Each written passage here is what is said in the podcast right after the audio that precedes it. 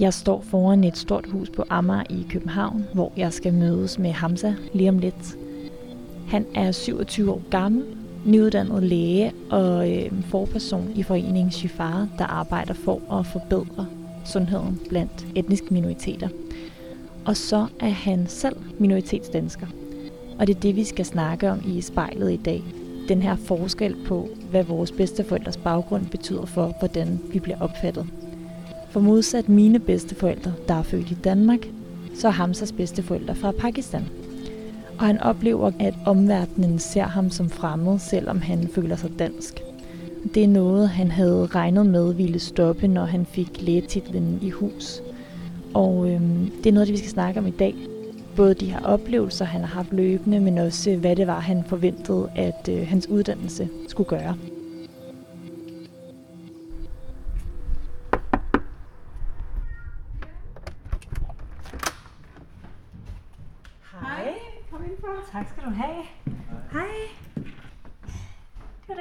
Lille en.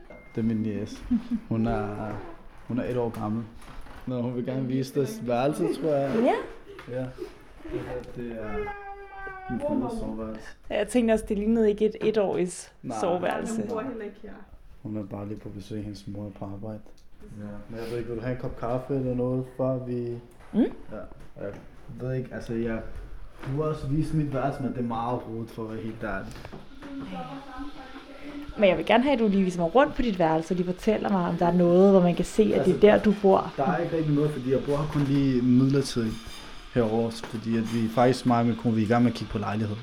Så det jeg egentlig har dernede, det er min forældres gamle værelse. Det er bare, at der er en seng, og så er der et tv. Hvor længe har I, har I boet der? Vi har boet her, altså vi har boet her i huset i 20 år næsten.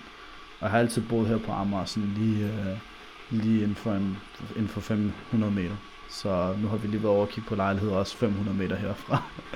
så, så jeg er meget, meget comfort, comfort øh, menneske. Jeg kan godt lide at være sådan, der hvor jeg føler mig hjemme. Men så er det simpelthen dit barndomshjem. Ja. Jeg boede på, sådan, på Øresundsvej, der var lige herover før vi flyttede herover. Så det det samme område.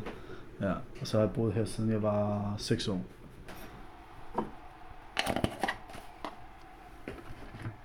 Skal du have den stærkere, eller er det fint med en tæske? Ja, ja, nej, det er fint med en til, måske bare ikke fylde helt op til kanten. Så. Okay. Det er perfekt. Hvor tæt på skal du sidde? Jeg skal relativt tæt på. Så kan du sidde, eller vil du sidde her, så sidder jeg her. Øhm, det vigtigste er, at du sidder så komfortabelt som muligt, ikke? Og kan sidde med det her spejl. Okay. Du lytter til spejlet. Tusind portrætter, en generation. Jeg hedder Anne Laura Hedegaard. Når du kigger på dig selv i spejlet på den her måde, hvad er det så det allerførste, du lægger mærke til? Jeg tror, det første, jeg lægger mærke til, jeg ved faktisk ikke, hvad det er. Jeg tror, at det er mine øjne måske. Jeg har ofte fået at vide, at jeg har sådan meget, godt nok ligger Pakistan også i Asien, men at jeg har sådan asiatiske, kinesiske træk-agtigt, fordi jeg har meget små øjne. På babybilleder ligner også mere en kineser, end jeg ligner en med pakistansk baggrund. Så det er nok det, jeg lidt tænker over. Og så tror jeg, jeg ser, ja, mit skæg, det, det er egentlig okay. Det har ofte været en, en insecurity, fordi at det er, det connecter ikke så godt. Der er steder, hvor der ikke er hår. Så det er sådan, det, det er ikke perfekt, men det er ikke forfærdeligt. ja. Hvis nu du skal beskrive ham, du sidder og kigger på i spejlet, mm. til nogen, der aldrig har mødt dig før, hvordan vil du så beskrive dig selv? Altså, jeg er 27 år gammel, og jeg er, jeg er lige blevet færdiguddannet læge. Og jeg er forperson i en nystiftet forening, der hedder Shifar, som har det formål at øge sundheden blandt etniske minoriteter. Og det er sådan set det, der sådan er det faktuelle om mig, tror jeg. Så er jeg også lige blevet gift, og det er også meget interessant. Det, det er jo super dejlige ting. Nu har du forklaret lidt om, hvad det er, du laver. At du er nyuddannet læge, og du er lige blevet gift. Hvad, øhm, hvis du skal beskrive lidt mere sådan din personlighed, hvad er du så for et, et menneske? Mm. Jeg ved det ikke, jeg synes faktisk altid, det er rigtig svært at snakke om sin, sin personlighed, fordi at det er jo sådan, ens personlighed, det afhænger jo meget af, hvordan folk opfatter en som min personlighed bunder meget i, jeg har nogle sådan faste værdier, jeg går meget op i. Og, og så går jeg op i, om jeg føler, at jeg selv holder mig til ansvar for de værdier. Og om de folk, der er tætte på mig, betyder noget for mig, også oplever de værdier. Og det er meget sådan noget som, hvad kan man sige, at være kærlig og omsorgsfuld, etisk og moralsk korrekt og forsvarlig. Det går jeg meget op i, at jeg, at jeg tænker ting igennem, og ikke bare lever livet sådan for at leve det, men faktisk, at der, der er en mening bag de handlinger, man foretager sig. Og det er der, hvor jeg også bruger religion rigtig meget som, en, øh, som, et, som et pejlemærke, og så bruge det til at prøve at blive et bedre menneske. For jeg er jo muslim, det har jeg ikke fået sagt. Og udover det, så, ja, så går jeg bare meget op i at være glad. Og, og være sådan i et med mig selv og selvreflekterende. Og prøve at, at lade være med at tænke for meget over, hvad folk de tænker om en. Jeg hedder Hamza, jeg ser mig selv i spejlet. Det er jo din oplevelse af at have en anden etnisk baggrund sådan i løbet af dit liv, og hvordan det har ændret sig, vi blandt andet skal snakke om i dag. Mm. Så jeg kunne egentlig godt tænke mig at starte med at høre, sådan, hvor meget det, um, det fylder for dig at have en pakistansk baggrund. Mm. Altså hvor meget sådan på et, på et følelsesmæssigt plan sådan i dagligdagen, så tror jeg, at øh, efterhånden fylder rigtig let. Selvfølgelig på daglig basis, så oplever man det jo med, med maden og og jeg går ikke ud og, ud og drikker mig i hegnet og drikker alkohol og så videre, så socialt betyder det også lidt, men i det daglige, så tror jeg, tror jeg det betyder meget lidt for mig. Langt hen ad vejen, så føler jeg, at jeg har sådan opnået de bedste ting fra, fra, fra begge kulturer, eller man kan sige. Jeg synes, den her sådan selvreflektion og det synes jeg er meget dansk. Det er ikke noget, jeg oplever i, i Pakistan for eksempel. Men sådan noget som, du kan også se nu, lige nu derude, der sidder både min bror, min søster, min svoger, min niece, min mor, min far og min kone selvfølgelig. Men hende har set. men ja, det, så det her med familie, det er virkelig noget, som jeg, som jeg elsker. Det føler jeg lidt mere måske pakistansk. Ja. Så jeg tror bare, at det fylder, men det fylder på en god måde nu, hvor det før i tiden har fyldt på en måske dårlig måde tidligere så oplevede jeg bare, at man blev sådan, der blev spurgt meget ind til det, og, og det var sådan ting, der adskilte mig fra andre, tror jeg. Specielt i, i starten af folkeskolen, der, der synes jeg, jeg oplevede det meget. Og der følte jeg også, at det var meget en, en hemsko på en eller anden måde, at det, at det holdt mig tilbage fra at kunne få, få venner, og for at uh, kunne være en egentlig del af, af fællesskabet. Og ja, det var meget det, jeg oplevede dengang. Hvordan føles det så egentlig nu, at jeg sidder med en mikrofon og spørger ind til sådan konkret det? Altså, du er jo også, fordi jeg er anderledes på en eller anden måde. Så, så jeg tror, at det, det, det er igen det, jeg mener, at man har bare lært at leve med det. Og, og nu tror jeg også, at jeg ser lidt mere på det med nogle, sådan, med nogle andre briller. Når jeg sidder her som, som 27-årig, og, og egentlig har nået de mål, jeg gerne ville indtil nu, så tror jeg også, at jeg tænker, at det kan godt være, at det lyder lidt, lidt sådan øh, høje tanker om sig selv, men jeg vil jo rigtig gerne have også, hvis der sidder nogle yngre, som lytter til det her, eller et eller andet, som måske går igennem en lidt mere turbulent fase, fordi at jo yngre, jeg synes bare i ungdom er der flere turbulente faser. Der kunne man godt bruge nogen, der alligevel sådan kan fortælle om de redskaber og de ting, der har hjulpet en til at komme videre, og til ikke at lade sig, lade sig hænge for meget i det, og lade det begrænse en. Da jeg startede i folkeskolen, oplevede jeg første gang, hvordan det var at føle sig ekskluderet. Og jeg hedder Hamza, og jeg ser mig selv i spejlet.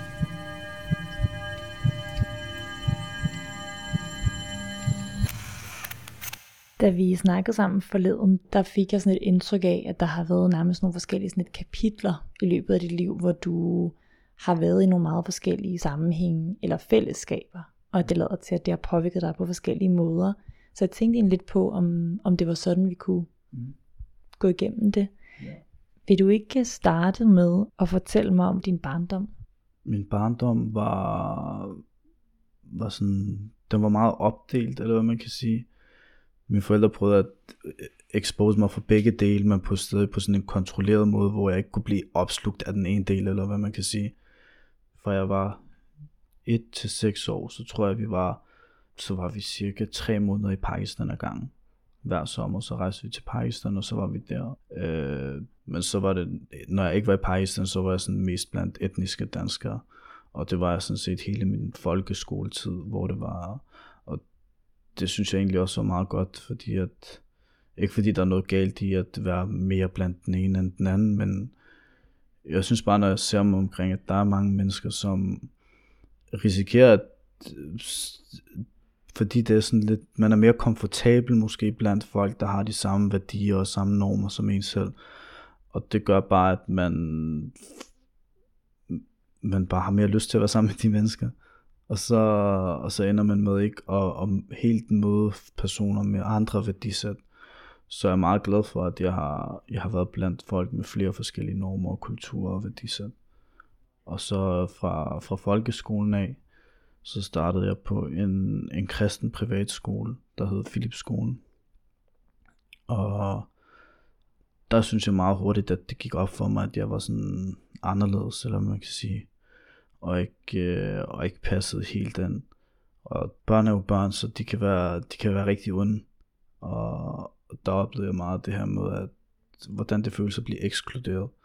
Ved at øh, jeg ikke blev inviteret til børnefødselsdag, og jeg husker meget tydeligt nogle episoder, hvor når jeg for eksempel var til børnefødselsdag, så, så i, det var i, helt i starten, så hvis jeg spurgte, om der var, om der var svinekød i noget mad, så kunne de være sådan, nej det er der ikke, og det var, jeg kan huske, det var Paris og toast. Og jeg vidste ikke, hvad Paris og toast var.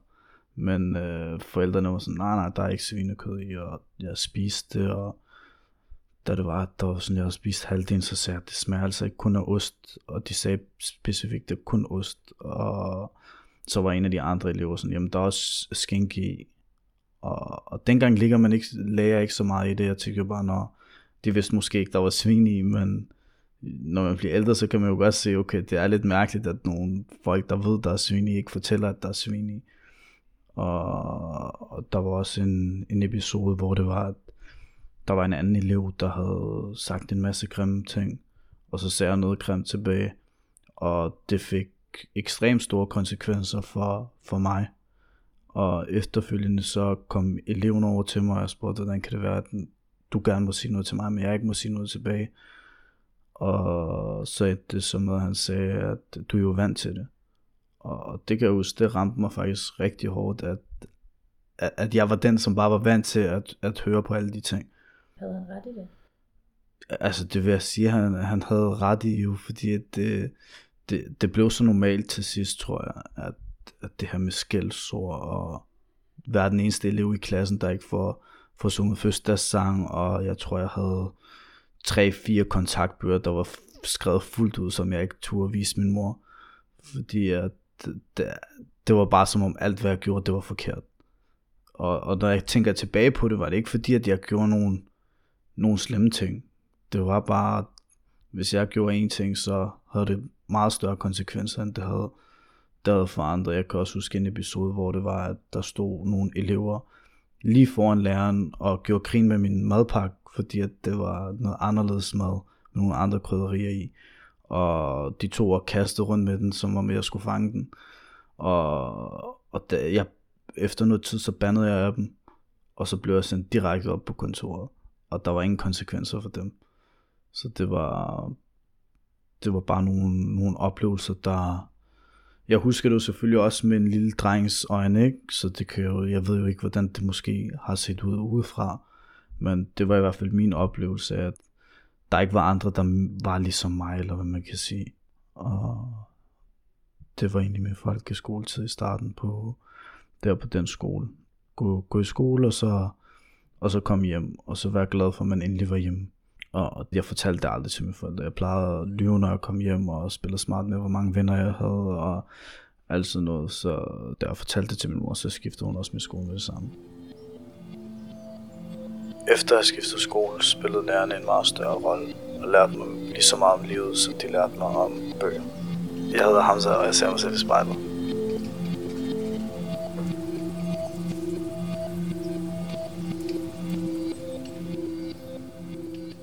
Den anden skole, jeg kom på, det var Christianshavns Døtreskole. Og der var en helt anden form for, for inklusion. Jeg kan stadig huske, hvordan det var, når man startede på skolen. Alle ville gerne lære en at kende. Og selvom der ikke var særlig mange andre øh, minoritetsdanskere på den skole, jeg tror, vi var to-tre stykker, så, så var det alligevel på en helt anden måde, og jeg tror meget af det bundet i, at, at lærerne ikke så en som anderledes. Altså de så en som alle de andre elever, og det føler jeg mærket fra, fra første dag. Det, det, er sådan, det er svært at forklare, fordi der, det er jo sjældent, at der er noget konkret. Det er jo ikke fordi, de, de tiltaler mig på en bestemt måde på den anden skole, men man kan bare mærke, når, når folk gerne vil en, og når folk ikke vil en. Og jeg tror, det var den her inklusion, som virkelig, som virkelig var, var skældsættende for den skole, og også for min videre udvikling at jeg, øhm, at jeg føler, at jeg åbnede mig mere op, jeg var mere glad, jeg, jeg havde det sjovere, og, og jeg har brugt al min energi på det sociale fællesskab. Jeg har brugt ingen tid på at fokusere på skolen og intet som helst andet, udover bare at have det sjovt. Og så ramte virkeligheden mig sådan lidt, da det var, at jeg kiggede på mit karakterblad der i 9. klasse, og jeg kunne huske, at jeg fik 0-2 i en matematikprøve, hvor jeg endda snod. Og, og der var jeg sådan, der ramlede det hele bare for mig. Jeg tænkte, shit, jeg, jeg bliver ikke til noget. Det kan godt være, jeg har det sjovt, men det her, det går ikke. Og det var også bare sådan en form for eksistentiel krise på en eller anden måde. At jeg begyndte at tænke ekstremt meget over døden, og over hvis folk tæt på mig, de dør, og jeg lå bare i sengen, jeg tror en, næsten en måned, hvor jeg bare lå og ikke lavede noget som helst det som ændrede sig, det var den måde, at lærerne tog hånd om det. Fordi at de havde altid til alle forældremøderne, så var det sådan noget, han, vi ved, han kan, men han, han gider ikke. Og der gjorde de, i stedet for sådan at være sådan, ja, det er jo det, vi sagde, nu er det for sent, så gjorde de rigtig meget for at, for at hjælpe mig. Og, og også min familie, de gjorde rigtig meget for at hjælpe mig. Jeg kan huske, min, min onkel sad og lavede matematikopgaver med mig og alt muligt, og den, jeg udviklede mig rigtig meget fagligt, der først sådan kom i gang igen. Og, og der kan jeg også godt huske det her med, at jeg lavede sådan mit sidste øh, afgangsprojekt, det var, det var netop om det her med identitet, og hvordan det er at være, være sådan fanget mellem to verdener. Og, og efter det projekt, der tog min lærer mig også sådan til side og sagde, hvis du nogensinde tvivler på dig selv igen, så skal du læse den her. De havde givet sådan noget feedback hvor de var så, skal du læse det her. Det er, jo, det er jo lang tid siden, men det er stadig noget, jeg bruger den dag i dag til, hvis der er, føler, der er et eller andet, hvor jeg, hvor jeg, hvad kan man sige, har, har hovedet under vand, så er det en meget god indikator til lige at være sådan, okay, jeg kan godt, jeg skal bare, jeg skal bare sådan tage mig sammen, fordi der er ikke noget, der kan, der kan stoppe mig på den måde. I gymnasiet fik jeg et kulturschok fra min egen kultur, hvor jeg oplevede, hvordan det var at være minoritet blandt minoriteter.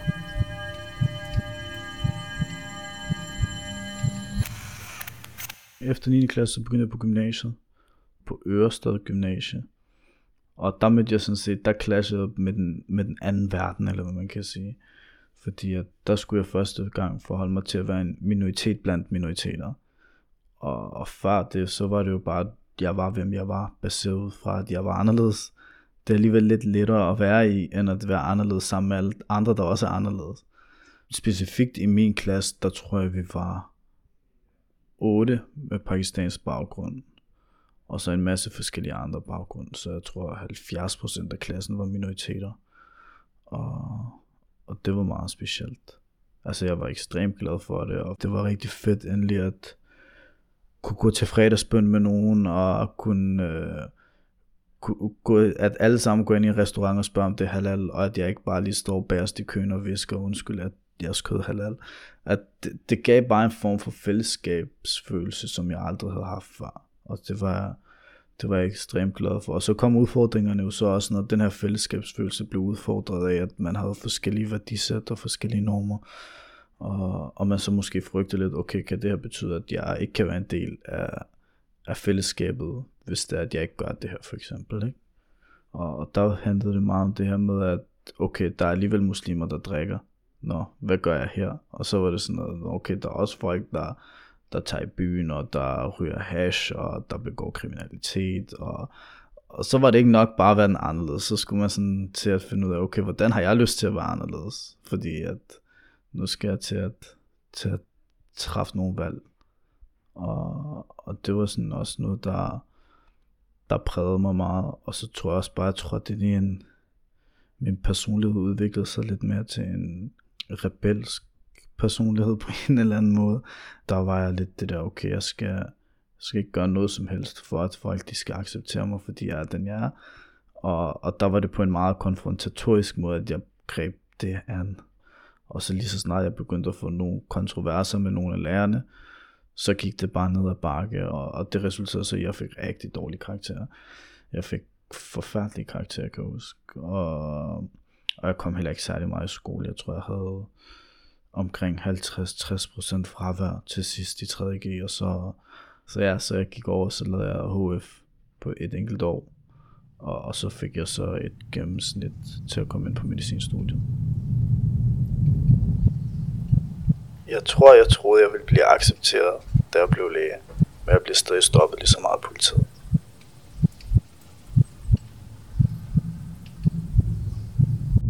Det jeg husker mest fra min studietid, det er alt det, den tid, jeg ikke har brugt på studiet. Fordi studiet, det er jo det samme for alle sammen. Det er, at man læser, og man holder ud. Uh, men, men jeg tror mere, det er alle de oplevelser og venskaber og alt det, man har fået igennem studiet. Er det også det, du med din kone? Ja, det var det faktisk. Da vi sad og drak kaffe, der nævnte du den her idé om, at en akademisk uddannelse gav en form for værdi. Mm. Øhm, hvad er det for en tanke, og hvor tror du, du havde den fra? Mm, det var jo noget, som jeg faktisk skrev i, i mit 9. klasse afgangsprojekt. I konklusionen, så skrev jeg, at det, der er vigtigst, når man er en minoritet, det er, at man, man er stolt af sig selv, og man tilpasser sig, at man tager en akademisk uddannelse og gør noget for at blive en del af samfundet. Og det, det er mest uenig med mig selv fra dengang i, det er det her med, at man skal tage en akademisk uddannelse for at kunne blive accepteret i samfundet. Og jeg tror, at overbevisningen dengang kom meget af, at jeg var vant til at få at vide, at når du er en af de gode, og når du laver ikke sådan noget. Og det er som om, at der bliver stillet lighedstegn mellem, at når, nu er du accepteret, fordi du har en akademisk uddannelse. Og det, det synes jeg bare er noget, noget pjat. Fordi at hvis jeg for eksempel øh, spolede tiden tilbage og sagde, at jeg aldrig nogensinde skiftede skole og fortsatte på Philipsskolen til 9. klasse, så ved jeg ikke, hvor jeg var endt hen. Og så kan det være, at det var mig selv, der havde brug det kan være, det var mig selv, der ikke havde taget nogen akademisk uddannelse, og hvis samfundet så så mig som en, der ikke var en del af samfundet, fordi jeg ikke havde taget en akademisk uddannelse, så, så var jeg jo gået fuldstændig tabt.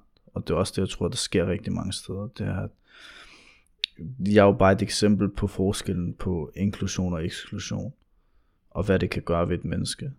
Og, og det tror jeg, at man som samfund er nødt til at være opmærksom på, hvor, hvor meget det egentlig betyder.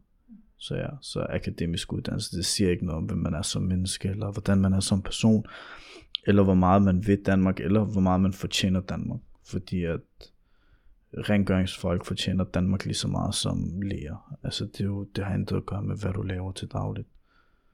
Men det lyder også som noget, du har indset i løbet af din uddannelse, men du har jo tydeligvis ment noget andet der i 9. klasse. Mm. Så hvad, øhm, hvad forventede du, at det ville betyde for, hvordan du blev set på, når du stod med sådan beviset på, at nu er jeg faktisk læge?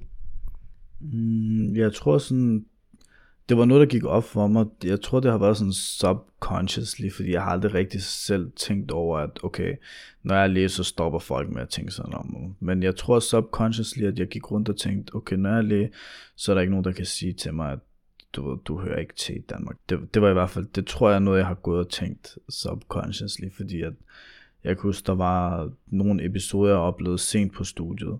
Vi havde klinik, klinikophold i Holbæk, og hver eneste dag blev stoppet af politiet og holdt tilbage i 45 minutter til en time, mens bare fordi vi skulle ud og hente frokost, hvor man bare tænker, altså jeg har lige brugt min tid på at redde menneskeliv, og så vil jeg jo profile mig ud fra, ud fra min hudfarve. Så tror jeg bare, det gik op for mig, at det betyder alligevel ikke noget. Det fortsætter resten af livet jeg har brugt patienter, for eksempel når jeg tager imod dem, så plejer jeg altid at sige velkommen til. Og så kan jeg huske, der var en, han stiller sig, så siger han, jamen øh, i lige måde. Også det, man får hele tiden at vide, at man taler godt dansk. Og det er jo ikke fordi, de siger det nødvendigvis med en ond intention, men det er jo også baseret på, at folk ikke tænker, at du skal gå godt dansk, fordi hvorfor skal man ellers sige det? Det er ligesom, hvis jeg ser en, der går rundt og siger, ej, hvor går du godt? Jeg forventer jo, at folk de godt kan finde noget at gå. Det, men det sker, det sker i sådan, og jeg husker, hvordan jeg var på arbejde, og, og alle sammen var sådan, der var sådan en buzz den dag, og jeg forstod ikke helt det buzz, fordi jeg tænkte, hvad foregår der? Og så efter arbejde, så lukkede jeg ned, og så tænkte jeg, Nå, hvorfor går de andre ikke hjem? Så gik jeg over og spurgte, Nå, hvad, hvad skal der ske i dag? Er der et eller andet, jeg ikke har fået at vide? Og så var der dækket fint op, og alle var sådan, der havde taget fint tøj på og så videre, og så, og så sagde de, ja, men øh, det blev meget, det blev meget akavet, altså da det var, jeg stod der. Og så, så kom, de, så kom sådan, chefen ud og lige forklare mig, og så sagde det er jo fordi, at øh, ja, vi holder jo julefrokost, og så var jeg sådan, jamen, øh, hvorfor har jeg ikke fået noget ved? Så er de sådan, ja, men øh, det er fordi, der er jo alkohol på bordet. Og så er jeg sådan, det okay, jeg kan bare drikke kakao. Og så er de sådan, nå, må du gerne det? Så er jeg sådan, ja, det må jeg gerne. Eller er der også alkohol i jeres kakao? Og så var det sådan, nej nej, vi skal nok finde kakao. Og så, okay, fint nok. Og så, ja, så sad jeg bare med, og det var hyggeligt nok, men det var også bare det her igen med, med en berøringsangst. Det kom jo ikke for dårlige intentioner på nogen måde. Men det var bare sådan, det, det ville bare være lettere at, at spørge. Nysgerrige spørgsmål er der aldrig nogen, der, der tager personligt, eller har noget imod at skulle svare på. Jeg prøver at gøre, så de hurdles, jeg har mødt i mit liv, ikke skal være en hurdle for andre, der møder dem.